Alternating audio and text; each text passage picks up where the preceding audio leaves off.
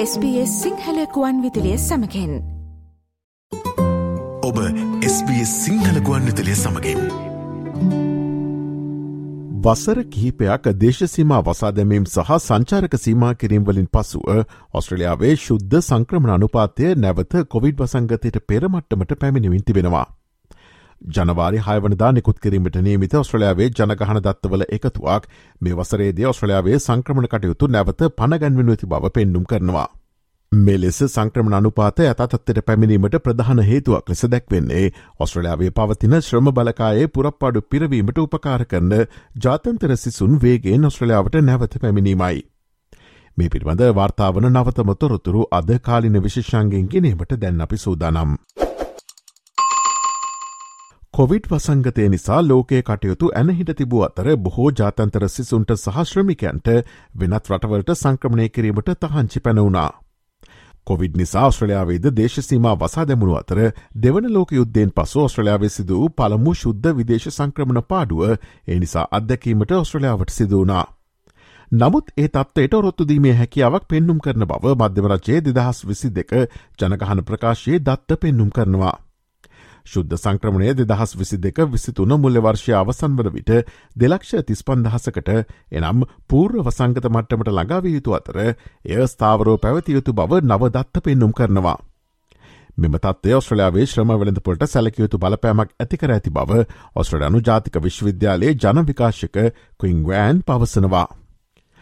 ඔස්ට්‍රේලියාවේ සංක්‍රමිකයන් ලෙස සලකන තාවකාලික සංක්‍රමිකයන් නිපුණතා සංක්‍රමිකයන් මෙන්ම ජාතන්තර සිසුන් සහ වර්කින් හොලිඩේ විසාලාබීන් ඔස්ට්‍රලයානු ශ්‍රමවලඳ පොලේ ඉතා වැදගත් කාර්යභාරයක් ඉටුකරමින් සිටින අතර ඔවුන් ශ්‍රමවලඳ පොලේ පුරප්පාඩු පුරවන බව ඇය පෙන්වා දෙනවා. We know that migrants, particularly including temporary migrants, um, skilled migrants and as well as international students and working holiday visa um, recipients, they've been playing a very important role in in the Australian labour market. They're uh, filling the gaps in the labour market, and a large proportion of them gradually becoming skilled migrants, more permanent skilled migrants in Australia, and filling the more skilled section in the labour market. So, in the long term, I think it's um, it's a positive uh, sign once we recuperate to pre-pandemic level in terms of international migration. සංක්‍රමණය ඔස්ට්‍රලයාාවේ ශ්‍රමහිංගිය පිරවීමේ වැදගත් අංගයක් වන අතර ජාතික ආර්ථිකය වර්ධනය කිරීම සඳහා තවත් බොහෝදේ කළ යුතු බව මධ්‍යවර ජේ බහන්්ඩාගාරික ජිම් චාමර්ස් ABC ගුවන් ඉදිලියට පැවසවා.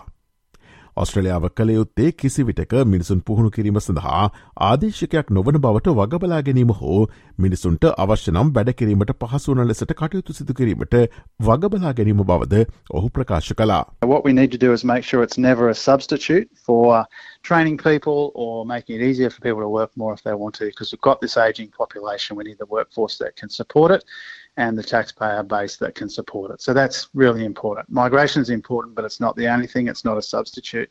අඩු වැටුප් සහිත රැකියාවල නියුතු අයට වඩා හොඳ පුහුණුවක් සහ වෘතිය මාර්ග නිර්මාණය කිරීමට මේ අවස්ථාවක් බව සිඩ්නි විශ්වවිද්‍යාලයේ සංක්‍රමණ සහ රැකයා විශේෂඥ මහාචාරය Angela Knox පැවසවා.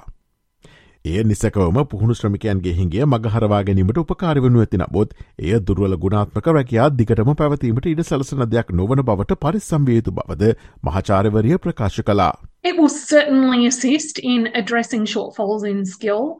We need to be careful, though, that it is not something that enables poor quality jobs to persist. When we lost huge numbers of migrant workers, what became evident was there was a huge amount of poor quality work on offer, and local workers wouldn't take that kind of work. When we create better quality jobs, we invest in workers who invest in the organisation, and that translates into higher levels of competitiveness and social progression.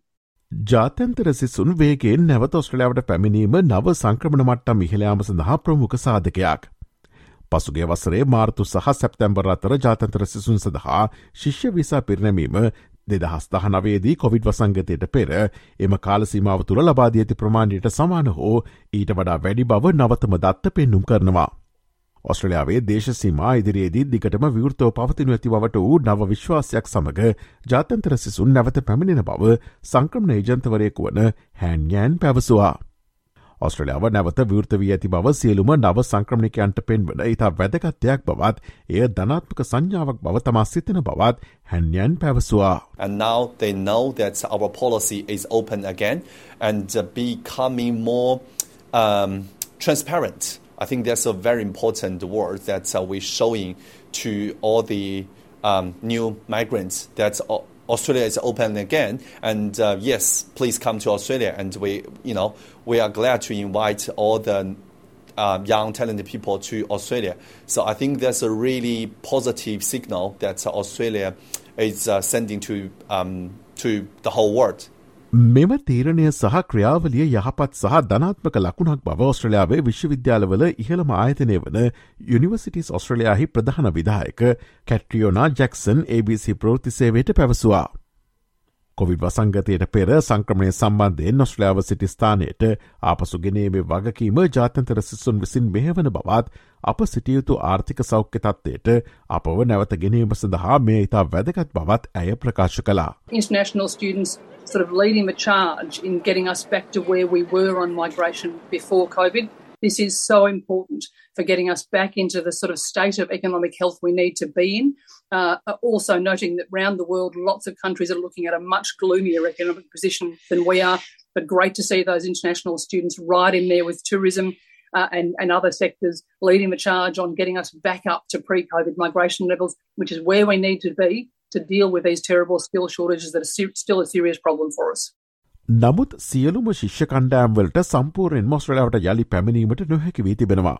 තාමත් ඔස්ට්‍රලාව සිටින්නේ පූර්ව Covid සමය සිටි ස්ථානයට පිටු පසින් වන අතර චීන සිසුන්ට ඔවුන්ගේ රටෙන් පිටවීමට ඇති බාධාවන් නිසා නොබමිනිය හැකි සිසුන් විශාල සංඛ්‍යාවක් වන බවත් කැට්‍රියෝනියා ජැක්සන් සඳහන් කලා. International student numbers have recovered well, however we're not all the way there. We're still about 18% across the board. behind where we were pre-COVID, and that's a little uh, that number is bigger for Chinese students just because of the impediments they've had in getting out of their own country.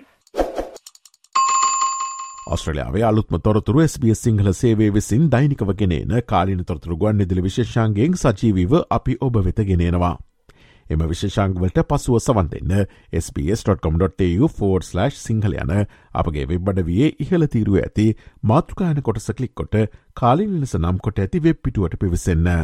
SBS SBS SBS SBS SBS SBS Radio මේ වගේ තවත්තොරතුරු දැනගන්න කැමතිද. එහමනම් Apple podcast Google podcast Spotify ඔබගේ podcast ලබාගන්න ඕනෑම මාතයකින් අපට සවන්දය හැකේ.